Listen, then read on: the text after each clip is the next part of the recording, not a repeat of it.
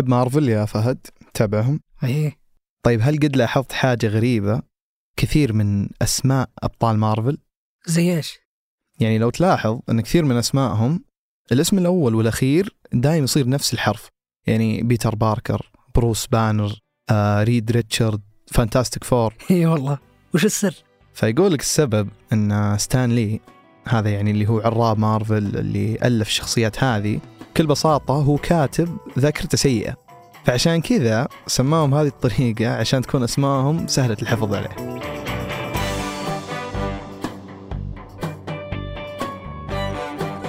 هذا بودكاست الفجر من ثمانية بودكاست فجر كل يوم نسرد لكم فيه سياق الأخبار اللي تهمكم. معكم أنا أنس الخليل. وأنا فهد الخنين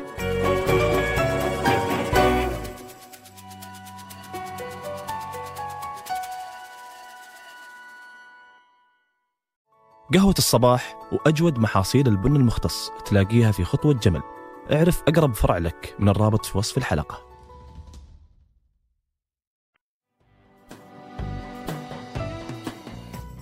في أواخر عام 2016 بلغ دبلوماسي أمريكي وزارة الخارجية بأنه يعاني من أعراض صحية مثل غثيان، فقدان السمع، الصداع ومشاكل بالذاكرة والتركيز. هذا الدبلوماسي كان يشتغل في السفارة الأمريكية في العاصمة الكوبية هافانا. اللي من ذاك اليوم صار اسمها يطلق على مرض غامض يستهدف الدبلوماسيين الأمريكيين في مناطق مختلفة من العالم. فأمريكا صارت تعتمد اسم متلازمة هافانا لوصف أي أعراض عصبية من هذا النوع تصيب موظفيها خصوصا بعد ما تعرض عدد من أفراد المخابرات الأمريكية وعائلاتهم للمرض في دول زي الصين والهند وروسيا. وهو الشيء اللي دفع الاستخبارات الأمريكية أنها تفتح تحقيقات أكثر حول المرض اللي صار بمثابة الشبح اللي يلاحق الأمريكيين في الخارج. رافقت متلازمة هافانا نظريات كثير لتبريرها لكن النظرية الأكثر انتشارا هو أن في قوة أجنبية معادية لأمريكا واقفة وراها ولكن على المستوى الرسمي تصف وزارة الخارجية وزارة الدفاع وغيرها من مؤسسات الحكومة الأمريكية الحالات المسجلة هذه بأنها حوادث صحية شاذة. أما مدير ال CIA ويليام بيرنز فوصف اللي قاعد يصير بالهجمات. لكن اليوم ما تم توجيه أصابع الاتهام لأي طرف. وفي السنوات الماضية رجحت بعض التقارير إمكانية أن متلازمة هافانا نتيجة للتعرض لموجات تردد عالية من الراديو والميكروويف. إلا أن الخارجية الأمريكية أصدرت تقرير في عام 2021 استبعدت فيه أن تكون موجات الراديو والميكروويف سبب لطنين الأذن اللي تتسبب فيه متلازمة هافانا. وذكر التقرير اللي أعدته مجموعة استشارية أن المصدر المحتمل للمتلازمة هو صرصور الليل أو الجندب اللي يشتهر بصوته القوي جدا. وبالتالي فمن الممكن أنه يكون سبب لبعض أعراض هافانا. ومن النظريات المطروحة برضو هي أن الأعراض نفسية ما هي جسدية. فمن المحتمل أن الموظفين الأمريكيين اللي في الخارج يعانون من أمراض نفسية لأن الخبراء يقولون أن حتى لو كانوا يعانون من أمراض نفسية فهالشيء ما يعني أنهم يتخيلون أعراضهم. وهذا الرأي يتفق مع كثير من اللي يقولون أن متلازمة هافانا هجوم مدبر من دولة معادية ممكن تكون روسيا. وهالأشخاص يقولون أن حالات هافانا انخفضت من يوم غزت روسيا أوكرانيا لأن موارد موسكو قلت. وصار صعب مواصلة استهداف الأمريكيين. لكن الاستخبارات الأمريكية في تقييم نشرتهم هذا الشهر استبعدوا أنه يكون المرض نتيجة لهجوم أجنبي باستخدام موجات الطاقة. وراجع التقييم اللي شاركت فيه سبع وكالات استخباراتية ما يقارب ألف حالة. وتوصلوا إلى أن من غير المحتمل أن في عدو أجنبي مسؤول عن أعراض هافانا. وأوضح أحد المسؤولين الأمريكيين أنهم ما يملكون معلومات استخباراتية تشير إلى أن روسيا أو دول أخرى وجهت بهجوم على موظفين أمريكيين. والتقييم الأخير يستبعد أيضا أن موجات الطاقة استخدمت كسلاح ضد الأمريكيين.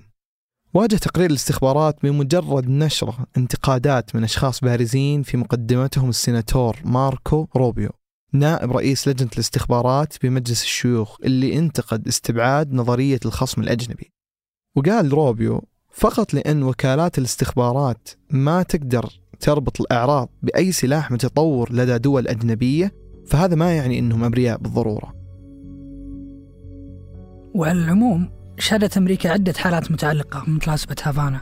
وصل عدد إجمالي الحالات المسجلة ألف حالة في جميع أنحاء العالم. خمس حالات منها حدثت على الأراضي الأمريكية. وفي السنتين الماضية ذكرت وسائل الإعلام عن تسجيل حوادث بهذه المتلازمة داخل أمريكا. ويرجع تاريخ أولى هذه الحوادث لعام 2019 وعام 2020 وصارت الحادثة الأولى لموظفة بالبيت الأبيض قريب من بيتها بفرجينيا وتم تسجيل حادثة ثانية المسؤول بمجلس الأمن القومي في نوفمبر 2020 بالجزء الجنوبي من البيت الأبيض. وذكر أحد الأشخاص اللي أصيب بحالة مماثلة أن الأعراض عنده بدت بعد ما تعرض لضوء شديد من شاحنة بيضاء من نافذة البيت. على الرغم من أن تفاصيل هذه الحوادث محدودة إلا أنها أثارت مخاوف مع تزايد عدد الهجمات. وهالشيء اللي أثار قلق كبير في الإدارة الأمريكية. ولمحت السلطات الأمريكية قبل صدور تقرير السي اي اي أن في عدد من الدول بينها الصين وروسيا وكوبا بأنها وراء هذه الحوادث. وبحسب ما ورد تضرر دبلوماسيين ورجال استخبارات في دول ثانية شهدت حوادث لدبلوماسيين أمريكيين منها بولندا وجورجيا وصربيا وبعد فيتنام والهند وكولومبيا وتايوان. وأيضا دول مثل فرنسا وسويسرا. ورغم هالاتهامات أشارت التحقيقات الأخيرة في 2023 أن ما في دليل موثوق على تورط خصم أجنبي. وإجمالا تشير تقارير صحفية أن في احتمالات أنه تم استخدام ترددات موجهة من موجات راديو في حوادث من هذا النوع. ويعتقد باحثين أن متلازمة هافانا ناتجة عن أسلحة الميكروويف وهي أجهزة شبيهة بالميكروويف العادي ولكن ميزتها أن فيها طاقة تردد عالية. وممكن تستخدم في استهداف الأشخاص. والترددات العالية هذه ممكن تخترق الجسم وتسبب ضرر للشخص المستهدف. ودخلت وزارة الدفاع الأمريكية نفسها في تطوير نظام أسلحة يستخدم الموجات الدقيقة للميكرويف. في خطوة يصفها الخبراء إنها بداية لتطوير نوع جديد من الأسلحة راح تستخدم في حروب المستقبل. وقبل الحلقة هذه أخبار على السريع.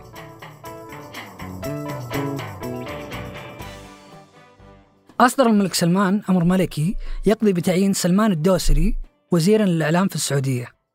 الدوسري بدأ مسيرته الصحفية مع المجموعة السعودية للأبحاث والإعلام في صحيفة الاقتصادية عام 98 اللي صار رئيس تحريرها في عام 2011 ثم رئيس تحرير لصحيفة الشرق الأوسط في 2014 وضمت الأوامر تعيين محمد بن عامر الحربي نائبا لرئيس الاستخبارات العامة وراكان بن إبراهيم الطوق مساعدا لوزير الثقافة.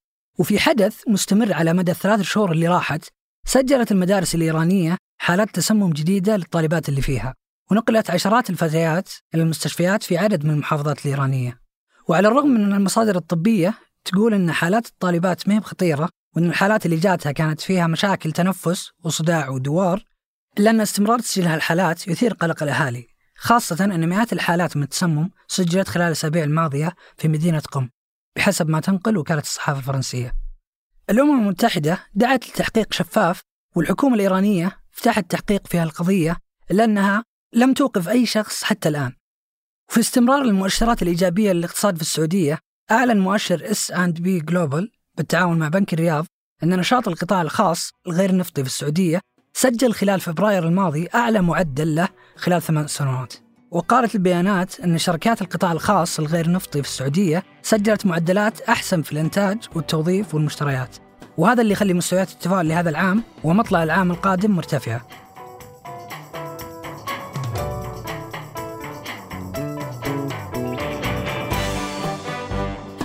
أنتج هذه الحلقة تركي البلوشي وفيصل جابر. قدمتها أنا أنس الخليل. وأنا فهد الخنين. وراجعها فيصل جابر وحررها محمد الدوسري. شوفكم بكرة الفجر.